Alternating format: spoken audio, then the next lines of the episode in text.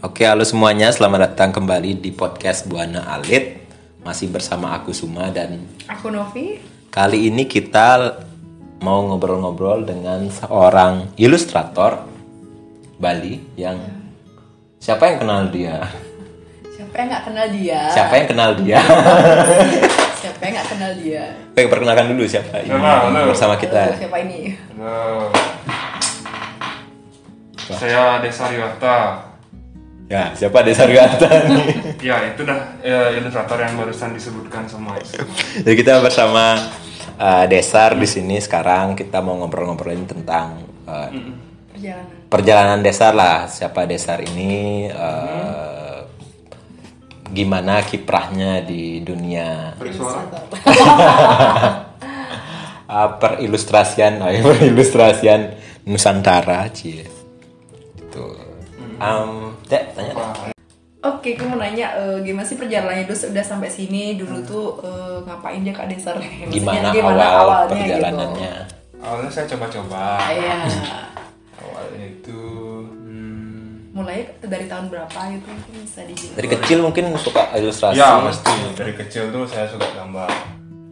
Pokoknya gambar apa ya? Apa pun lah saya gambar kan. Mm. Hmm, habis itu sampai S- SD, SMP, SMA ya biasa lah.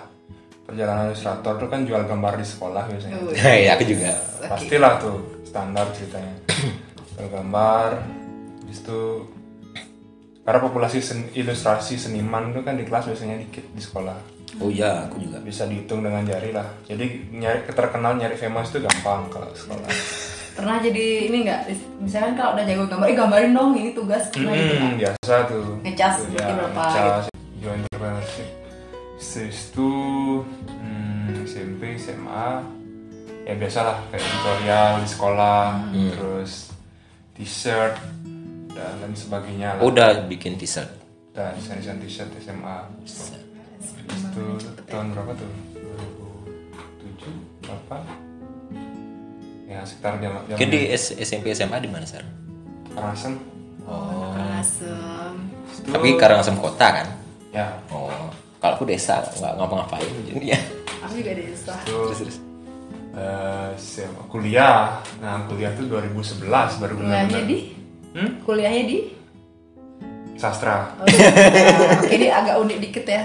Ya, jadi dari sas eh, kuliahnya sastra tapi ininya profesinya sebagai ilustrator. sastra Terus terus. eh, di sastra kan kuliah kembali lagi kita kan kuliah di apa sih namanya di kampus yang nggak ada mayoritas lah skill-skill menggambar tuh jadi gampang ya terkenalnya gitu Eh, selalu iya, mencari iya. celah. Bener Iya, juga ya. bener Kok aku juga. masuk DKV ya? Harusnya aku nggak masuk DKV sih. Aku masuk DKV banyak saingannya. Ah, ah, masuk di kampus yang membuat kamu menonjol walaupun skillmu biasa aja kan tapi paling Benar benar benar benar. benar. orang sastra oh nggak ada yang bisa gambar jadi terkenal cepat gitu Itu bener Jadi banget. Eh ini pelajaran nih pelajaran aja. Nah. Kalian yang bisa gambar jangan masuk DKV. Yang penting kalian masuk sastra atau masuk apa gitu. Hukum gitu. Oh, menonjolnya lebih gampang Bahasa gitu. ya. Iya iya iya iya iya ya. bisa bisa bisa bisa ditiru. bisa dicoba tuh Bisa bisa inspirasi nih. Nah, Hmm, jadi ketika masuk sastra kan eh, intinya lebih gampang lah kita dikenal gitu justru saya dapat ini tuh gara-gara apa namanya kayak kerjaan-kerjaan itu kan karena Job-job gitu ya. eh, karena ketahuan tuh oh, malah spesial gitu loh Oh, iya. Eh bener juga Cepat ya. jadinya tuing naik gitu. kayak gitulah ada ya namanya namanya itu kan kebetulan lah Hmm, nggak bener-bener. nggak bisa nggak bisa ditentukan semidang apa namanya kayak di ya nggak bisa di di copy paste lah Ah, langkahnya kan emang ya nggak juga. bisa aja nggak tahu gitu kan orang Balik lagi ke orangnya ya Kalau personalnya ya. emang ada jalannya pasti Ya, nggak tahu kan. bagaimanapun caranya Iya. kayak gitulah. saya juga nggak tahu bakal kerja sebagai ilustrasi kan di dunia ilustrasi nggak tahu Hmm. terus dulu kan pengen juga kuliah di itu tuh desain di cafe gitu, atau Hmm. DC kan cuman ya masalah klise lah kan kayak mau kerja di mana sih gitu Ah. orang tua bisa. Orang tua. Akhirnya ya udah kerja yang di gini aja apa kam- asal kuliah di negeri biar ada dapat gelar. Hmm. dapat eh, intinya biar kuliah lah gitu kan.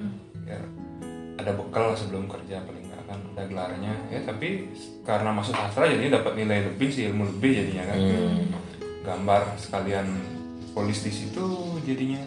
Terus bisa bahasa Jepang jadinya bisa sastra Jepang terus ah, terus bisa ikut di kampus jadi apa kayak organisasi-organisasi gitu dapat. Ya pasti ada positifnya lah. Ya ya benar benar benar. Nah, habis itu pas kuliah mulai gambar seriusin lah kayak mulai beli pen tablet mulai beli apa namanya mulai eh, mulai ngambil-ngambil job. job gitu yang berbayar kan. Udah meninggalkan naik satu step lah dari hobi nah. ke freelancing dapat kerjaan. Habis itu mulai ikut komunitas kan.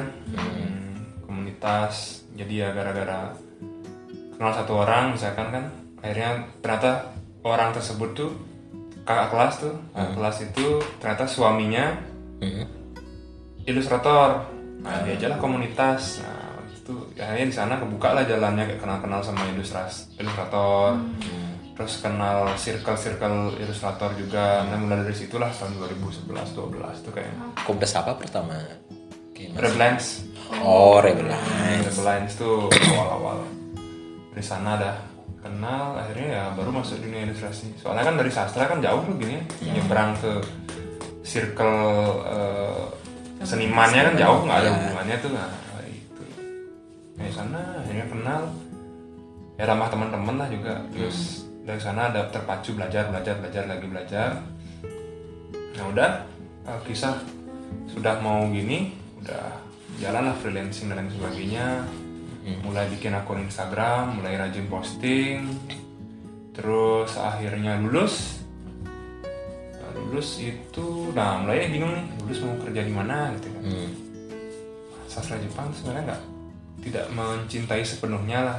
Hanya untuk kuliah aja. Hmm. Mengikuti ya sewajarnya aja lah. Nggak sampai nggak yang sampai pinter banget nggak yang sampai apa di bawah banget. goblok-goblok banget lah di kampus. Tengah-tengah lah ya cari lulusnya tepat waktu aja lah. Gitu. Habis itu terus, eh, itu udah mulai-mulai skripsian. Udah bingung tuh. Pada akhirnya pas skripsi itu mulai dah nyari-nyari lowongan-lowongan di mana ada lowongan yang gambar gitu ya. Tiba-tiba adalah gitu lowongan di studio game. Nah, di Bali tuh jarang kan studio game nggak ada tuh. Hmm. ada satu ah coba deh apply nih. Gitu. berbekal portfolio yang tadi yang saya buat selama kuliah itu kan. Kita, eh, submit ke kantornya udah habis itu di te- portofolionya dicek. Habis itu interview beres kan? Ah, udah ya nggak nggak ekspektasi tinggi lah ya udah biarin terima atau nggak terima yang penting kita tahu ya pernah ngelamar kerja lah gitu maksudnya tahu lah gimana dunia kerja tuh sedikit. Itu saya skripsi lanjut digas skripsinya. Dan habis itu udah ujian Hmm. ujian skripsi. Eh iya benar ujian skripsi. Habis ujian skripsi itu pulang pulang kan balik ke rumah. Jadi perjalanan eh, berhenti bentar ngopi kan di Sike. Iseng buka email. Eh ternyata diterima di kantor itu gitu kan. Diterima nah persamaan itu pas diterima di dua tempat sebenarnya gitu kan. Di dua, di dua studio. Itu apa? Studio apa dan apa? Oh Dragon Game Studio kan. Satunya lagi di Tantras. Oh. ya kan? Ya. Dulu itu oh, bingung akhirnya milih-milih. Nah, pulang minta pertimbangan akhirnya memutuskan untuk studio game kan karena apa namanya eh, barulah pertama kali pengen cari pengalaman di situ gitu. Oh. Dari sana. Akhirnya mulai dari tahun lama sih prosesnya nggak ada yang cepat lah nggak ada yang instan kalau dibilang. Iya, iya, kalau iya. berapa tahun dari tahun 2011 akhirnya kerja tahun 2014 sih. Ya 14 jadi ya kan. 14 15 itu saya kerja udah sampai sekarang. Kan jadi startnya benar-benar apa belajar dari nol tuh belajar langsung pokoknya fundamental tuh eh, anatomi dan lain sebagainya gambar bentuk dari awal tuh. Hmm. 2011 Ah, sebelum itu ini kayak, hobi-hobi aja. Gambar apa aja nggak pakai aturan lah yang penting senang tapi 2011 memutuskan untuk ah, coba diseriusin ya belajar fundamental sampai sekarang. Nah, itu sih. Jadi 2011 titik poinnya startnya di sana 2011 itu Hmm. SM eh kuliah ya eh, kuliah kuliah ya semester semester satu dua tiga satu dua tiga lah tiga dua dua atau tiga lah kalau nggak salah hmm itu dah Berarti belajarnya tuh fokus lagi pas kuliah ya. Mm-mm. Jadi pas mau lamar kerja udah ada eh, portofolio yang bisa diajukan ke perusahaan gitu berarti Kak Desar ya. Ya, nah satu lagi tuh yang saya pelajarin waktu ngamar kerja, Hmm. Benar-benar nggak ditanya ijazahnya, nggak ditanya kamu lulusan mana, IP berapa tuh nggak.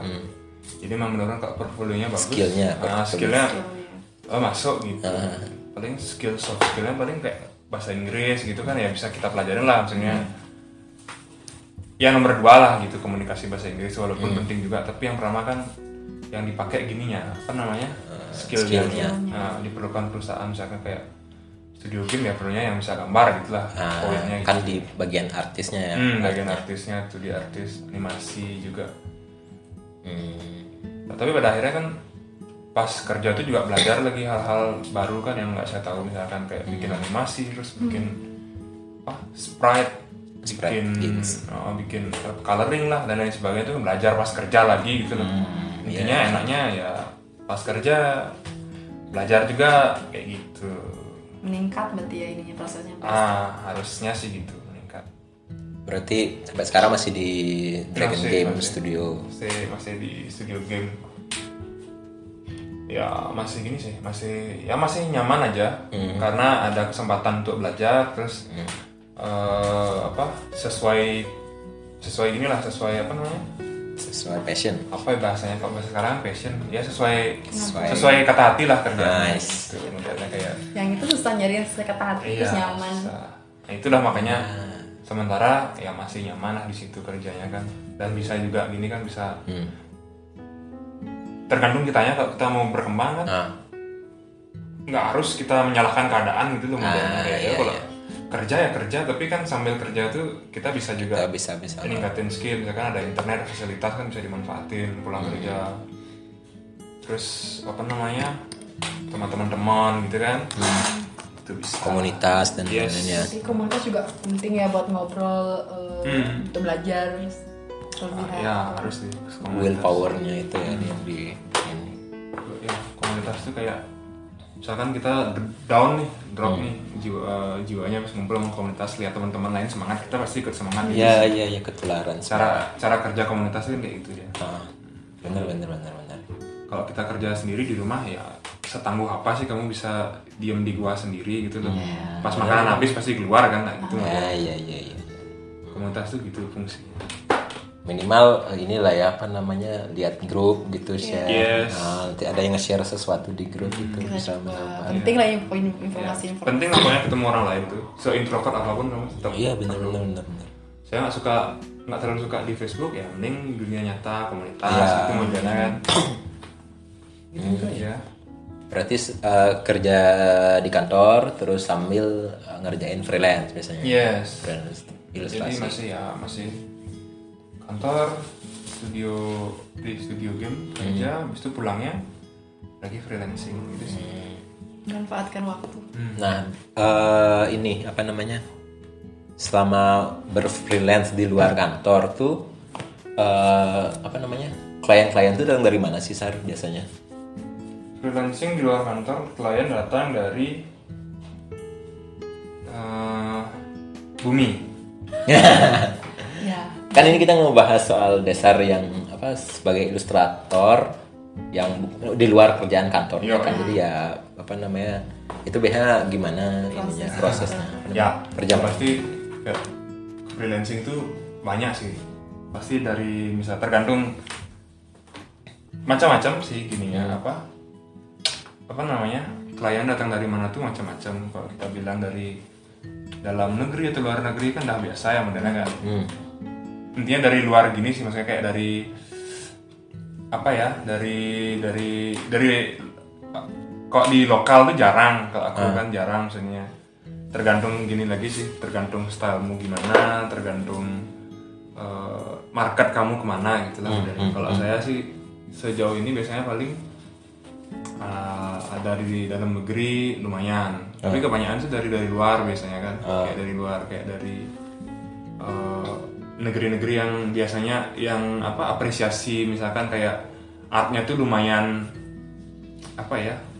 Mendukung gitu mas. Lumayan ya kayak orang-orangnya lebih lebih uh, suportif. Suportif yang ya menurut kayak eh, bayangin aja misalkan orang di luar mungkin bisa membeli sebuah gambar tanpa alasan gitu loh. Ah, aku cuman senang aja gitu aku pengen gambarmu segitu aja sih modelnya jadi mereka nggak perlu alasan untuk dipakai gini untuk dipakai gitu. Kayak menikmati aja ya lebih jadi ke- kayak negara-negara yang gitulah menikmati seni di tahap seperti itu misalnya kayak di Amerika lah di, di, di Spanyol modelnya kayak gitu-gitu yang di sana pop culture tuh udah biasa gitu loh. Kayak gitu, sih kebanyakan. Mhm. jadi macam itulah. Jadi klien-klien dari sana kalau dari luar negerinya ya rata-rata sih kayak ilustrator. Hmm. saya rasa sih lebih gampang dapat klien dari luar negeri daripada dalam negeri sih kalau pikir ya. Tergantung sih kamu kalau marketnya ke mana tapi aku rasa dengan hmm, sosial media lebih gampang sih dapat yang luar negeri daripada dalam negeri sih berarti mereka mengakses dari sosial media ya Kak Desar juga berarti ya? yes heeh. Nah itu gimana promosinya? Sar lewat sosial media tuh di gimana lewat lewat mana aja biasanya? Nah, sosial media paling kita buat yang standar misalkan kayak Instagram Hmm. apa lagi Instagram ah yang aku pakai ya Instagram terus ada Behance Hmm. ArtStation juga Hmm. eh, apa Ben? Eh, itu biasanya sih dari sana. Nah, karena jadi tergantung sih di mana kamu fokusin main sosial medianya gitu lah misalkan ada kan orang yang lebih lebih nyaman dia di Facebook atau lebih nyaman di mana Twitter mungkin bebas sih nggak nggak ada patokan bahwa pakai Instagram lebih banyak dapat klien pakai Facebook lebih banyak. Aku rasa tiap orang beda-beda punya preferensinya. Jadi, tergantung orang suka pakai mana gitu ketika kita udah suka pakai sosial media ternyata kita ngulik tuh media sosial media oh gini gini caranya posting jamnya dan lain sebagainya jadi di sana lebih Ah lebih lebih bisa maksimal intinya kalau dimaksimalin lah satu um, sosmed misalkan kamu nyamannya di Instagram, kamu tahu tahu misalnya jam-jam untuk Iya. posting yang bagus gitu gitu ya. algoritmanya juga dipelajari Algoritmanya dipelajarin. Oh iya iya itu paham. yang perlu diperhatikan juga Berarti ya bukan bukan ya bener. Berarti bukan pentingnya pakai sosial media yang mana, tapi lebih ke kamu nyaman di mana terus maksimalin satu media itu gitu ya berarti ya. Dicari tahu lah Ya, caranya. ya. pokoknya intinya sama sama kayak kita gambar gitu loh modelnya Hmm. kita mau fokus di style apa kita mau senangnya di mana Ah. otomatis ketika kita udah seneng otomatis kita belajar lagi mempelajari lebih dalam ketika Ya, kita ya, udah ya. mempelajari lebih dalam kita tahu lebih banyak ketika kita tahu lebih banyak kita bisa memakainya dengan eh, lebih maksimal gitu loh Ah. sana sih jadi arahnya jadi Bener bener bener. nggak penting kamu punya banyak sosial media Hmm. tapi kamu handle-nya susah mending kamu punya satu atau dua yang Yang yang maksimal. pokok tapi kamu bisa Maksimal. kuasai itu gitu loh Ah. timingnya dan lain sebagainya bisa dikuasai ya kayak gitulah sama kayak apa nih modelnya kayak eh, apa namanya kayak bukan pepatah apa bahasa bahasa lebih baik kamu melajarin satu pukulan Oh seribu- iya iya seribu iya. kali Seribu kali. daripada Mas. seribu pukulan sama-sama sekali gitu Ah itu quote-nya siapa ya? siapa? Bruce Lee apa siapa Bruce ya? Lee atau siapa? Eh, aku lupa. Pokoknya aku pakai pedoman itu. Lebih baik saya pelajarin. Banyak satu jurus tapi Satu jurus, tapi, tapi- jago banget. Nah, ketimbang mematikan banyak lah. banget.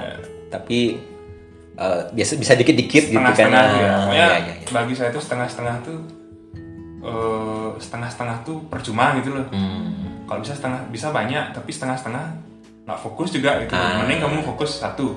Apa keahlianmu misalkan dalam hal gambar, digital painting, digital painting aja boleh. Nggak usah pikir yang lain, nggak nggak usah. Hmm. Saya harus bisa gambar kayak komik, saya harus bisa gambar kayak kartun, nggak usah Hmm. dipikirin itu gitu loh. Tetap fokus ke paintingnya gitu misalkan, atau kamu komik strip gitu misalnya. Hmm. Tetap ya fokusnya komik strip sampai kamu benar-benar menguasai itu, baru nanti yang lain itu nggak usah dilihat tuh, Iya. karena ngelihat yang ke samping kiri itu cuma distraksi aja modelnya. Iya, kita senang sesaat, ah, ah. kita lupa sama tujuan gitu jadinya. Hmm, karena apa namanya kebanyakan juga kita lihat artis tuh em, kayak masih me- gini ya aku nggak tahu ini salah apa benar cuman banyak yang palu gada gitu loh orang tuh mau pesen ini kamu bisa nggak bisa gitu Ya. kamu pesen ini bisa dia dia ngerasa harus bisa semuanya agar dapat banyak klien gitu misalnya gitu. Jadi klien ini mesen ini aku bisa. Klien ini mesen ini aku bisa Ya, gitu. ya, ya. Eh, kalau katanya sih kalau kalau di kalau di luar ini aku dapat dari Kang Rudi AO juga. Eh, apa namanya kalau orang luar tuh justru ngelihat kita tuh as an artist tuh eh ini orang aku nyari nyari misalnya aku nyari suma eh, aku nyari suma untuk aku pengen watercolor. Orang tuh oh, langsung terasosiasi oh suma gitu kayak gitu tuh orang Yakin tuh juga Ah, ya. jadi aku nyari eh, desain karakter digital painting aku nyari dasar gitu misalnya udah Iya. terasosiasi orang tuh jadi gini jadi apa namanya Ah, itu tepat lah ini tepat gitu maksudnya Hmm, ya. Ya kayak gitu sih jadinya. Kita ya, emang awalnya kelihatannya kayak oh saya bisa semuanya tuh kliennya banyak. Hmm. Itu jebakan sebenarnya. Hmm. Ketika kamu klien banyak, kamu nggak bisa fokus untuk jangka pendek ya kamu bisa dapat klien banyak dan lain sebagainya. Tapi untuk jangka panjang orang bingung jadinya. Iya, orang mengenal kamu sebagai orang- apa gitu ya. "Ah, oh saya, saya kadang kadang gambar pixel art, kadang gambar eh, line art, terus kadang gambar digital painting, terus kadang animasi, kadangnya Hmm. bingung gitu loh. Nah, cukup kalau bagi saya sih maksudnya kembali ya, mungkin ada teman-teman yang prefer ke sana, tapi bagi saya satu aja cukup untuk mewakili diri kita tuh gimana. Oh, Hmm. otomatis orang yang suka-suka aja bakal datang ke kita gitu. Iya iya iya. Yang lebih yakin dan pasti ya. Oh, oh. lebih lebih kayak eh, apa misalnya kayak toko gitu Hmm, hmm. orang pas toko telur gitu misalkan orang sana ya udah pasti beli telur gitu Oh, iya, benar-benar. jadi nggak nggak bingung lagi dan kita juga jualan lebih gampang gitu Iya iya iya. jadi sekarang kan tergantung kualitasnya orang beli terus berapa gitu kan Ah. beli satu ataupun 100 kan beda kualitasnya beda beda harganya kan beda gitu Kayak gitu sih modelnya Ah, Ini kan berhubungan dengan style juga ya. Style ah, kalau aku lihat style dasarnya kan agak unik memang. Orang tuh mungkin ini ya apa namanya nyarinya itu gitu. Nah, itu perjalanan untuk mencapai sebuah style itu kan pasti ininya kan. ya Gimana? Gimana tuh eh, eh, perjalanan? perjalanannya style sama style itu eh, sama sih kayak artis-artis lain pasti pencarian juga kan. Iya. perjalanan soalnya semua dicoba dulu kan ya biasa tuh. Saya juga di titik yang dulu misalkan semua udah coba nih misalkan kayak digital painting pernah digital painting. Pengennya sih kayak kayak apa namanya? Nih eh, apa sih? Card game card game tuh kayak Smite terus Magic the Gathering kan ngejarnya ke situ. Cuman Hmm. eh, itu sempat tak coba. Terus kayak style-style apa yang lebih kartuni itu pernah tak coba. Intinya banyak style yang tak cobain untuk mencari kenyamanannya gitu loh. Tapi pada akhirnya eh, ketika udah perjalanan lumayan panjang lah beberapa tahun nyoba-nyoba style ganti-ganti Hmm. kita ketemu titik di mana kita tuh oh saya nyaman ngerjain ini gitu loh. Hmm. pada akhirnya ya kita belanja gini lah kita kayak belanja ke toko gitu misalkan. Barang pertama yang kita lihat pasti kita udah jatuh cinta gitu tapi kita keliling ujungnya pasti balik lagi yang Balik pertama lagi ke- gitu. kalau saya sih ah. kasusnya kayak gitu Hmm. Hmm. Ya, kayak awalnya tuh eh, gambar line art dan sebagainya tapi Hmm.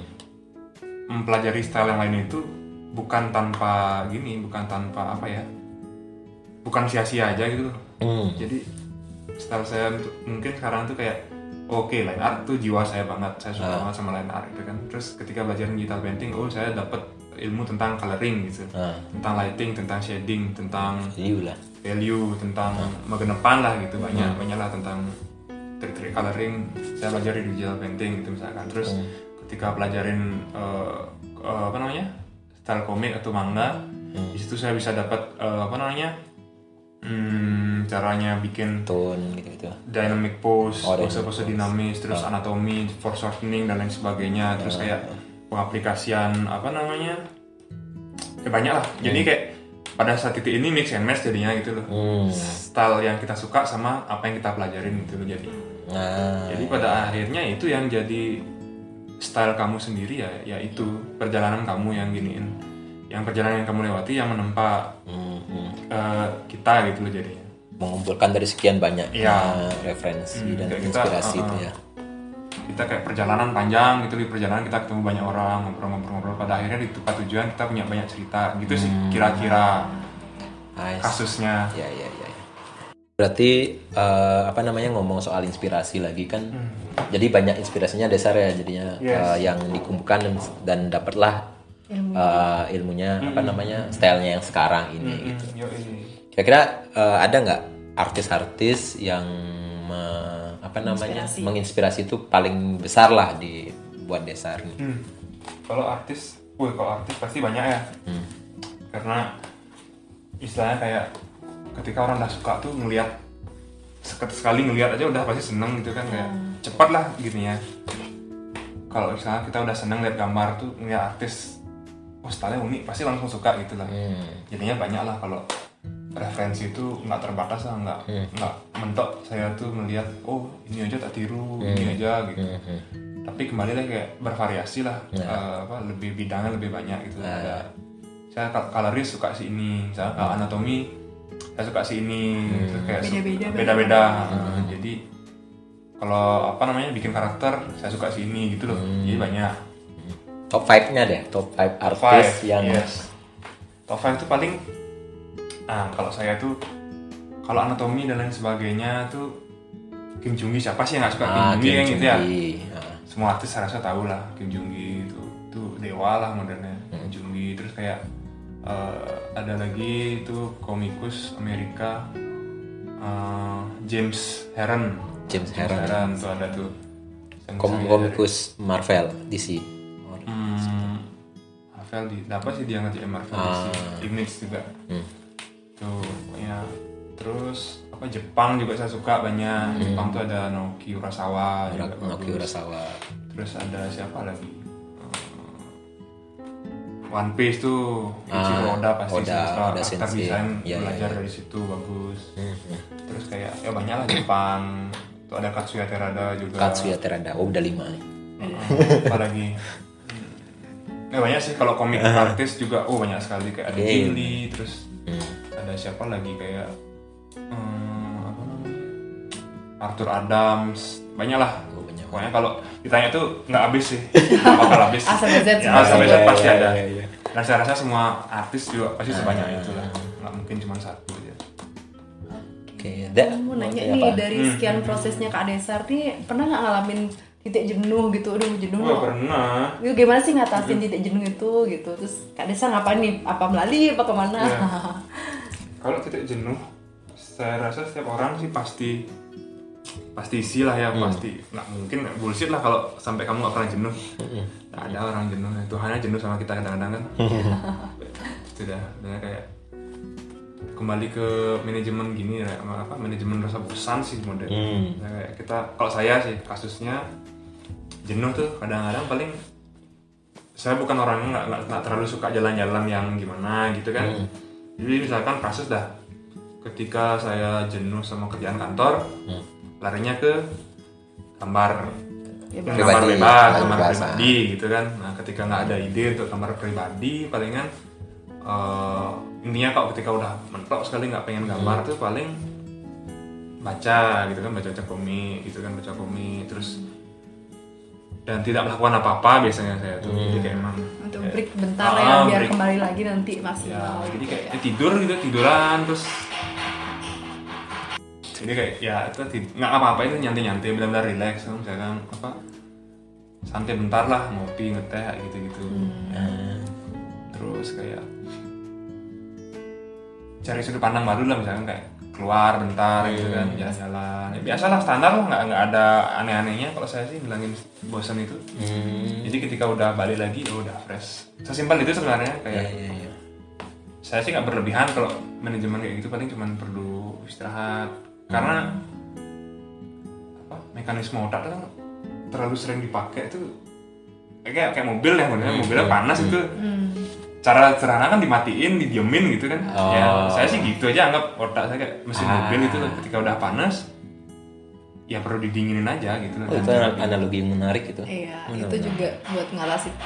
Iya, iya, iya. ya guys sederhana itulah maksudnya kayak udah kalau kita udah capek istirahat gitu aja Ah, iya. cuman kan sekarang kembali cara istirahat orang beda-beda gitu ada yang suka jalan-jalan ada yang uh, harus dia ngapain ketemu sama temennya nongkrong kayak gitu-gitu. Kembali ke Wajar lah itu ya. berarti. wajar. Intinya cara kerjanya sesederhana itu ketika kita capek istirahat gitu aja. Hmm. ketika udah fit lagi lagi balik pasti kembali. Ada nggak misalnya eh, misalnya nih eh, bosan dengan teknik ini misalnya. Eh, pengen ah eh, mengeksekusi ini dengan teknik yang lain itu itu itu bisa jadi ini nggak sih? Bisa banget. Jadi kayak ya kan kembali cara penyegaran modelnya. Nah kayak penyegaran otak lah misalkan kayak saya bosan gambar digital nih paling baliknya ke tradisional gambar pensil gambar pakai pulpen. Ah, ke dasar lagi berarti itu ya? Hmm, bolak balik situ aja. Intinya ketika misalkan udah ah pengen nyoba nih belilah saya cat air atau beli eh, apa kayak cat minyak atau apa paling ke sana kayak gitu aja. Media baru. Hmm, jadi ya media baru itu kan cara refreshing sebenarnya tujuannya oke.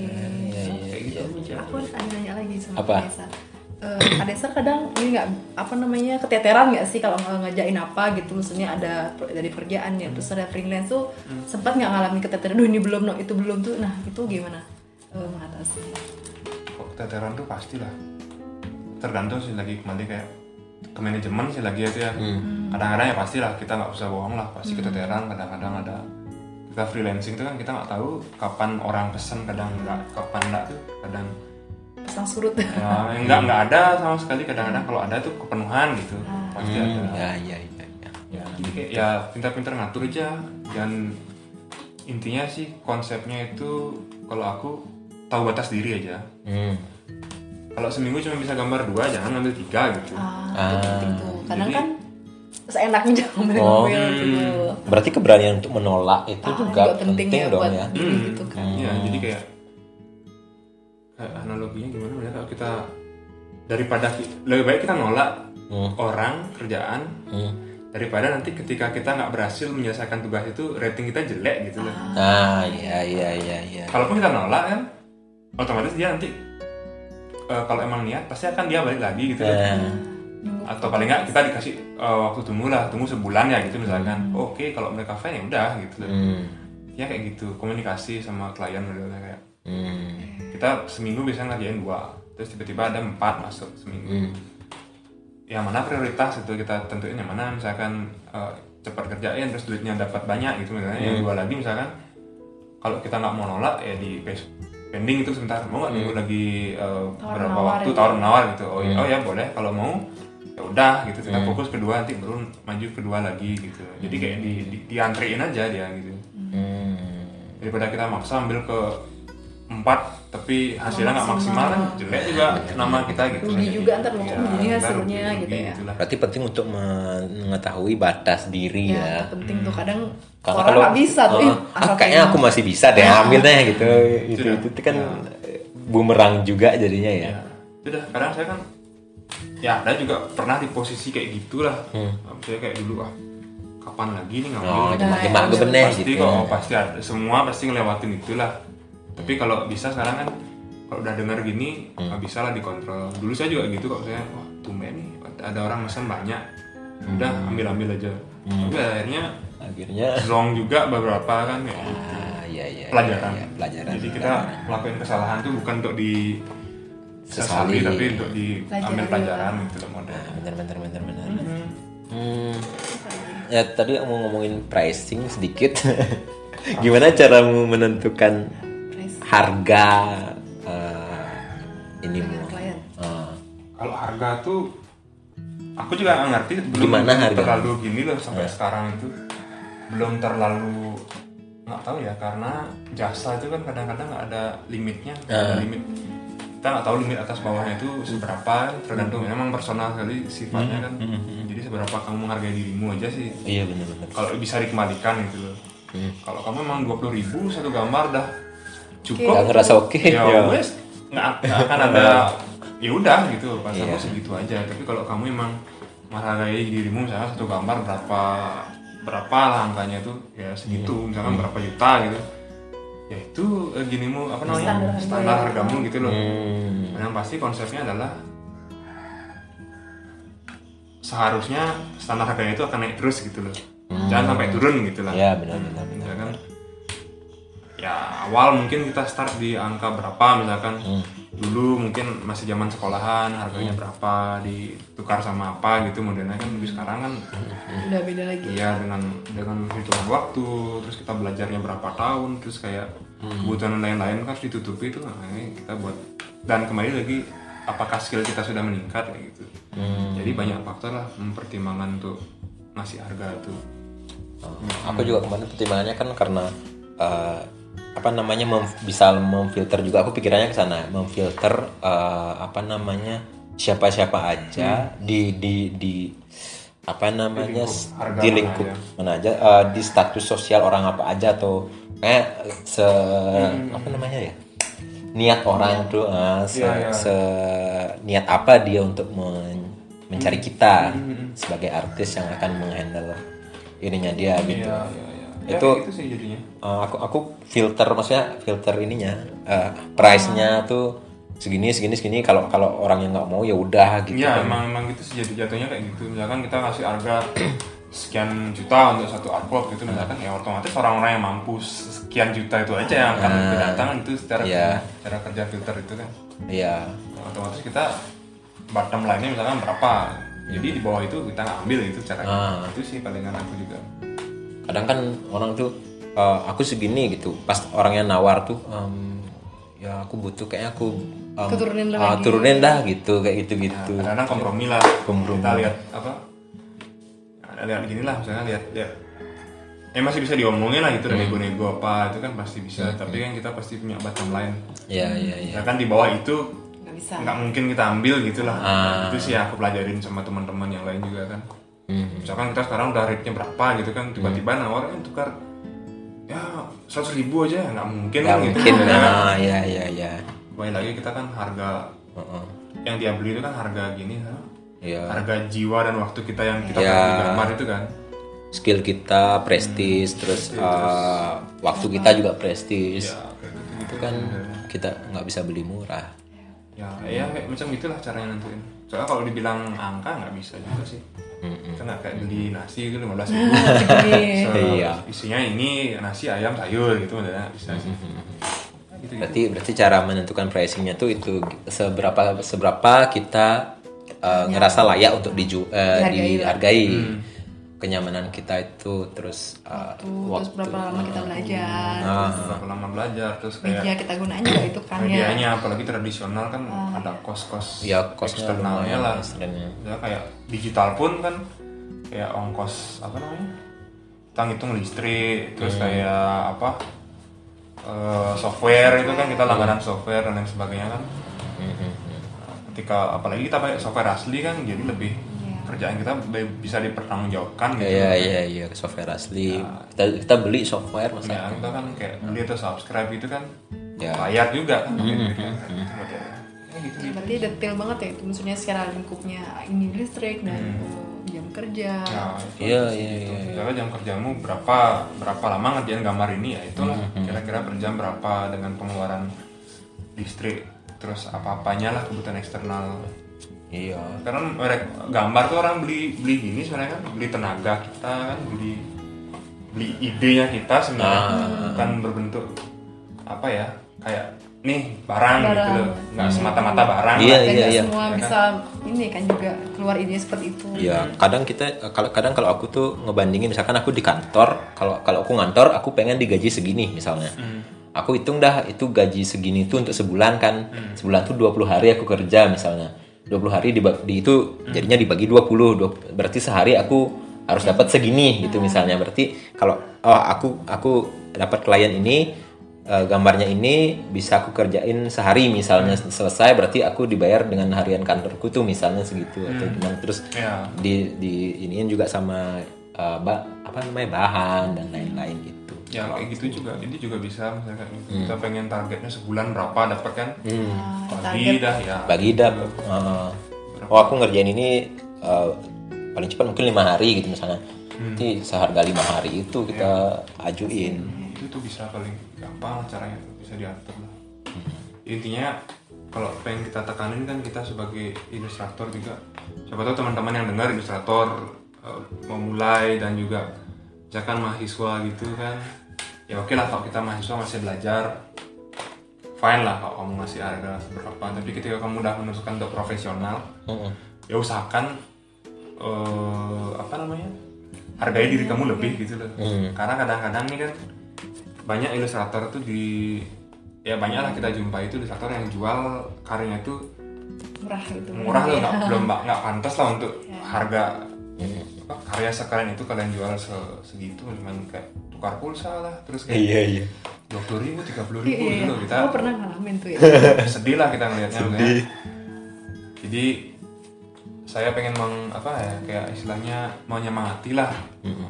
kita angkat harga dan derajat gitu loh dengan diri sendiri mulai dari sendiri misalkan gambarmu harga aja lebih nggak apa-apa Iya. pasti ada yang mesen kok kalau emang itu bagus Mm-mm. emang prosesnya pelan-pelan tapi sedikit demi sedikit tingkatin karena ketika kita udah ningkatin otomatis orang lain juga berpikir oh dia ningkatin harga orang juga pasti akan ningkatin kan Hmm. ketika semua orang meningkatkan harga otomatis harga barang tanda kutip yang kita jajakan itu kan oh prestisnya makin naik nih Hmm. otomatis orang-orang pun akan berpikir gitu loh oh berarti eh, apa namanya orang tuh akan berpikir oh karya itu bisa semahal ini ya orang tuh jadi nggak akan menganggap remeh Menganggap sebuah remeh. karya gitu Ah. jadinya jadi Enggak. jangka panjang ke sana orang tuh akan lebih menghargai dan tujuan jangka panjangnya itu eh, jadi kayak orang tuh tidak memandang remeh Mm. profesi seniman atau ilustrator tuh Iya, iya, iya. sehingga nantinya profesi ilustrator tuh bisa sejajar sama profesi-profesi Profesi lainnya lainnya. sama kayak kita orangnya beli gambar rumah ke arsitek berapa kenanya gitu modelnya Hmm. Iya. karena pada intinya kan gambar juga maksudnya Ah. cuman di maksud dan tujuan yang berbeda gitu Ya. loh. dan semua tuh pantas mendapatkan harga yang setimpal gitu lah Ah, ah. jadi itu udah biar kita tahu batasnya jangan jual murah lah gitu loh Mm-mm. jangan karena kita itu itu kualitas dirinya kita yang kita jual gitu loh waktu itu kan Iya. masa waktumu gambar 8 jam cuma 30 ribu gitu supaya pikir aja berapa Iya. kali makan terus berapa kali eh, apa misalkan rokok misalkan kan Uh-huh. kayak gitu tuh misalnya nggak mungkin lah ya itu itu intinya eh, tanya-tanya berapa bandingin jangan jual murah gitu loh. Karena itu ngobrol pasti juga sama temen ya ngobrol. Iya. harga serata-rata berapa gitu ya. Hmm. Nah yang tahu juga jangan pelit buat ngasih tahu gitu misalkan kan. Hmm, kayak gitu sih jadinya pada pada apa namanya kayak jangka panjang itu kita bakal punya ekosistem yang lebih baik gitu loh untuk dunia ilustrasi. Ketika kita sudah bisa ngasih harga yang pantas kemudian klien juga memikir oh ini memang worth it sih segitu gitu loh Mm. jadinya ya otomatis nanti supply and demand-nya lancar gitu loh. Ya, ya, yang ya, mesen ya. lancar, yang buat lancar, terus persaingan apa? Persaingan sehatnya juga lancar kayak gitu. Jadi sangat berpengaruh lah peran-peran kita tuh dalam membentuk apa namanya industri kreatif di Indonesia tuh seperti itu gitu loh dari hal kecil lah misalkan karya bagus jangan dijual murah gitu. Nah, karena seawal-awalnya kemarin ada pegawai kakakku yang dia nanya gini "E, berapa eh, lukisannya beli? Gitu kan. Terus eh, aku bilang segini segini segini. Terus itu juga belum termasuk bingkai saya bilang Yes. gitu. Oh nggak termasuk bingkai? Terus apanya yang mahal? Dia nanya gitu. Dia pikir tulis lukisan itu yang yang mahal itu adalah bingkainya Iya, gitu. Kan orang awam Oh, kan terus gitu. apanya yang mahal? Ya kamu bisa ngelukis nggak? Gitu. Enggak gitu. Nah itunya ada yang mahal, dia bilang gitu. Prosesnya itu kamu kamu belajar ngelukis. Kamu mau belajar ngelukis bertahun-tahun sampai jago kayak aku eh, dengan mengorbankan waktumu bertahun-tahun biaya dan lain-lain at- untuk mendapatkan satu lukisan wajahmu atau kamu pesan aja ke aku Hmm, dengan harga dengan sekian. harga sekian gitu. Mending mana? Tak bilang gitu. Diam orangnya kayak gitu. kadang masih belum banyak yang paham Iya. sih Ya, itu dah tugasnya kita sebagai ilustrator tuh kan emang untuk ketika dapat klien kayak gitu tuh kadang emang ya kok emosi gitu tapi kalau dibalik lagi sebenarnya tanggung jawabnya kita untuk mengedukasi. Jadi kalau ya ngomongnya kayak gitulah dijelasin dan lain Hmm. Iya. sebagainya. Ketika akhirnya pada akhirnya orang tuh paham oh oke segitu ya harganya dan sebagainya. Jadi dia tuh paham itu loh paling nggak dia jadi nggak jadi dia pesan. Dia tuh udah mengerti dapat dapat ilmu baru dari kita gitu loh bahwa karya itu em, bukan remeh-temeh itu loh. Kita tuh bu- buatnya nggak cuman jatuhin kuah langsung jadi gambar jadi ataupun kadang orang berpikir digital ah digital doang gampang ya klik klik jadi mau coba gitu modelnya Iya. jadi Iya, bener. tugasnya ilustrator tuh ya mengedukasi lah. Kayak oh bahwa berkarya itu prosesnya lama dan lain sebagainya kayak gitu. Makanya harganya bisa jadi sekian gitu sih jadinya. Iya iya iya. iya. Ada yang tanyain udah sih kayak udah lagi ya ke pandemi nih. pandemi udah aja deh Oh ya udah. Eh, gimana nih kalau sekarang kan lagi pandemi nih. Em, gimana nih? Apa namanya? Ada peru ada apa namanya? Ada yang berubah nggak dari dari pekerjaanmu selama pandemi ini? Sekarang kerjaan pandemi ada berubah jadi kayak eh, paling kerja di rumah jadinya kan cuman Oh kantornya udah nggak jadinya? hmm, sementara kantor ditutup tapi kerjaan tetap. Ah, kerjaan tetap ada dan ngerjain dari rumah gitu kan. Karena pada dasarnya kan eh, ngerjain kerjaanku tuh bisa masih bisa di di, di rumah. Pada dasarnya nggak harus ketemu gitu loh. Iya. bukan yang kerjaan harus kayak Ke kantor. ah, kantor-kantor banget gitu loh maksudnya. Ya masih bisa lah masih lancar sejauh ini. Ya paling gitu terus kayak Pesanan ada ini. pesanan-pesanan tuh ya masih ada. kayak freelancing tuh ada ada aja. Karena kembali lagi kan eh, kita kerjanya nggak nggak yang pelayanan publik gitu loh. Jadi sejauh ini masih ya lumayan lah. Ada tetap ada. Cuman ada juga beberapa kerjaan yang eh, hilang gitu. Karena pandemi ini ada mungkin di sana kan hubungannya. Kita nggak tahu di sisi lain kan gimana gitu loh. Tapi ngefeknya ke kita gitu. Ya tapi sejauh ini yang lainnya kan ada kayak saling tambah lah gitu. Ya, di sini ada di sini hilang di sini tambah kayak gitu sih. Oh. Jadi tetap tetap dinamis aja lah. Sampai saat ini di mana nih yang yang yang paling apa namanya ya yang paling sustain lah eh, klien-kliennya tuh untuk industri apa? Maksudnya maksudku eh, ini klien mesen untuk game misalnya. Ini klien oke. mesen untuk animasi. Ini klien mesen untuk personal misalnya. Terus eh, ada yang untuk event misalnya. Nah di industri mana yang saat ini yang berkurang ya? Ah, maksudnya berkurang atau bertambah yang dasar alami lah misalnya. Kira-kira klien-klien dari industri mana nih yang yang itu Berpengaruh, berpengaruh terdampak pandemi. ber- terdampak pandemi ini. apa ya?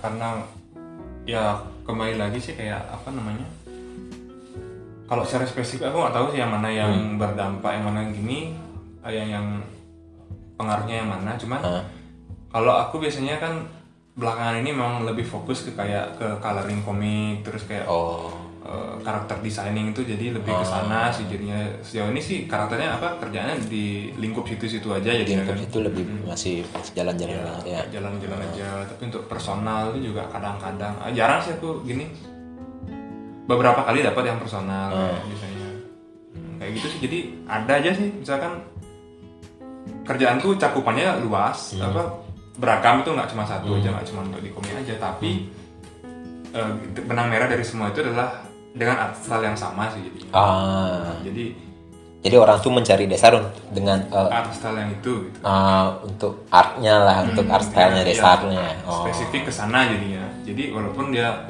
kayak apa sih kerjanya beda-beda gitu ada Hmm. yang yang untuk film gitu ya misalnya film animasi terus ada yang untuk game ada yang untuk karakter untuk komiknya dan Hmm. sebagainya tapi pada garis benang merahnya itu ada satu sih yang ikat ya kayak industri apa namanya banyak banyak lah industrinya kayak komik karakternya tapi garis benang merahnya itu di sana di di art style. spesifik ya dia pengen art style yang ini gitu sama Ah.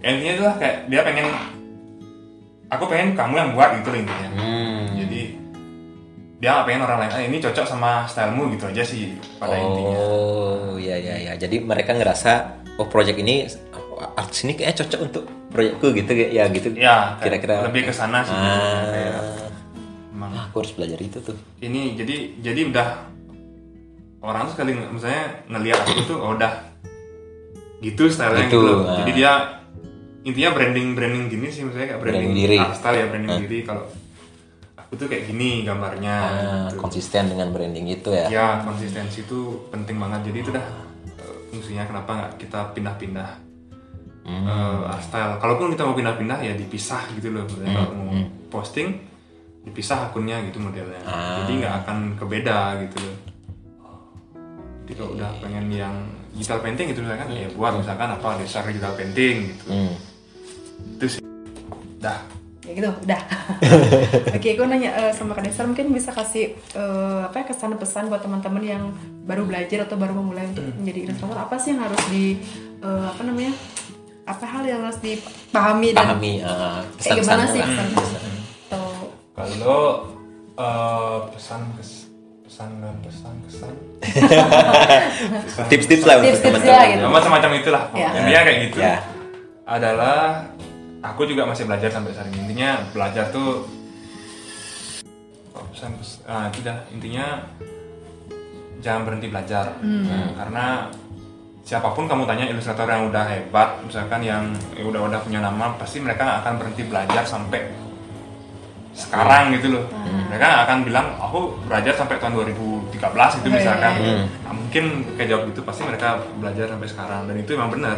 Ya, ya, ya, ya, ya. Pasti Berkembang dong. terus berarti Mm-mm, harus terus ya. berkembang nggak bisa kita kayak oh udah nih 2013 aja segitu aja saya kerja dah nggak bisa sih cara kerja ilustrator tuh nggak kayak gitu gitu loh Bahkan kita menggambar eh, semau semaunya gitu misalnya itu itu aja udah proses belajar kan sebenarnya iya kan. itu proses belajar sebenarnya intinya tetap latihan gitu loh Hmm. kita ya kayak atlet lah modelnya kita atlet tuh kalau nggak lari nggak main sepak bola gitu loh Hmm. kalau nggak dia dia setiap hari lari Ah. nggak mungkin dia bisa bagus bertandingnya gitu loh. Jadi Iya, emang iya, tiap iya. hari terus jogging gitu misalnya kan. Buka tiap hari. ya sama kayak kita ilustrator tuh ya tetap setiap hari gambar terus belajar anatomi kayak gimana lain sebagainya fundamental gitu ketika saat diperlukan misalkan ada kerjaan ya kita udah gampang aja. Tetap udah lemas gitu dasarnya udah harus dipahami dulu ya berarti ya. Ya. karena pepatah itu kan kayak pisau-pisau tuh. Iya. pisau Pisau yang yang semakin di atas semakin yes. tajam. Nah, di asal tuh pasti tajam. Ya, emang kayak gitu ininya.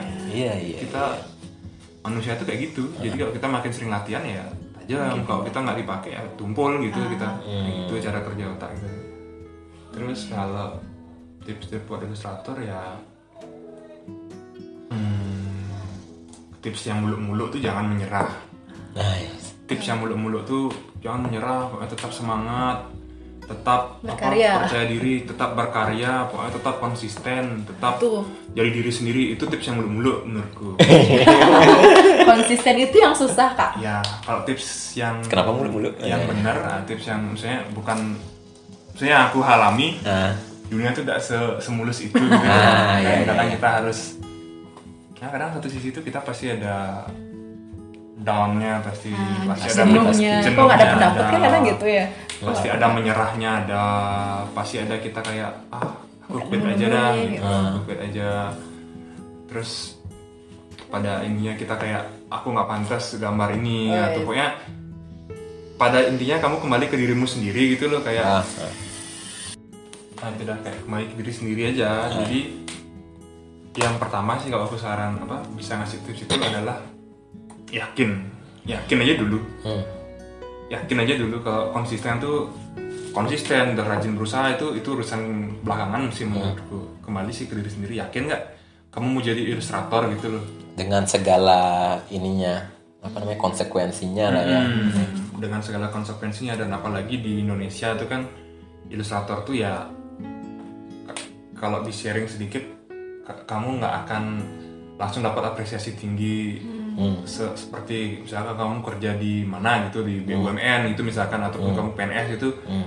jauh lah gitu loh intinya karena kamu yakin nggak mele- menempuh jalan ini gitu loh Hmm. karena jalan ini tuh tidak menjanjikanmu sesuatu yang apa gemilang gitu loh Hmm. targetnya jauh banget gitu loh Ya, ya, ya. nah ketika kamu sudah jalan ini yang penting yakin aja sih dulu kalau udah yakin dia udah yakin kamu pasti berani mengorbankan apa pun untuk menempuh itu gitu loh iya. Ketika udah yakin, baru kamu di perjalanan tuh bakal menemukan konsistensi, kamu akan menemukan eh, masalah. Ketika kamu berhasil melewati masalah tuh, kamu kan naik level naik Ya. level Eh, kayak main game lah.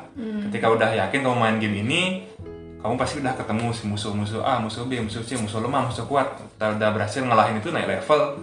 Ketika nanti eh, di satu titik kamu eh, melihat dirimu yang sekarang tuh, wah, aku udah level 45 sekarang. Nah, ketika kita ngeliat ke belakang oh aku sudah sejauh ini jalan. Situ sih yang yang gininya apa namanya eh, yang menjadi motor kamu jalan. Intinya yakin dulu sih kalau aku. The way kamu yakin? Eh, dan jalan pelan-pelan daripada kamu setengah-setengah gitu. Loh ya ya ya ya kayak kamu makan omongan oh jadi ini bisa jadi apa oh bisa banyak duit dan sebagainya. Itu kan cerita aksinya gitu, kan. ntarnya lihat orang lain yang profesional lain lagi dia bilang oh ke sana nih gitu kayak nggak ini capek pindah-pindah jadi. Ya dia yakin dan 100% gitu loh. Nggak capek tuh pindah lapan tapi gitu. Nggak nggak nggak gitu gitu. yakin 100% dan di perjalanan itu pasti ada apa kerintangannya banyak lah gitu. Tapi ketika udah yakin sama tujuannya misalnya kita tujuannya mau jadi apa sebagai wisata misalkan saya aku mau jadi apa artis komikus di Marvel gitu misalkan ya udah itu aja fokusnya kamu Hmm, nyari itu aja gitu loh. Ya ya ya yakinin itu Tujuannya inget jalan gitu loh. Artinya perjalanan pasti ada ada aja gitu loh kayak aku analogikan sebagai main game lah main game gitu misalkan. Jalan tujuanku jadi komikus Marvel gitu misalnya perjalanan ada musuh. Hmm. kalau ada musuh pasti ada yang bantuin gitu loh. Nah. ada NPC yang ngasih tahu jalan oh kamu lewat sini aja. Pasti ada yang ngasih tahu. Hmm. pasti ada jalan gitu loh.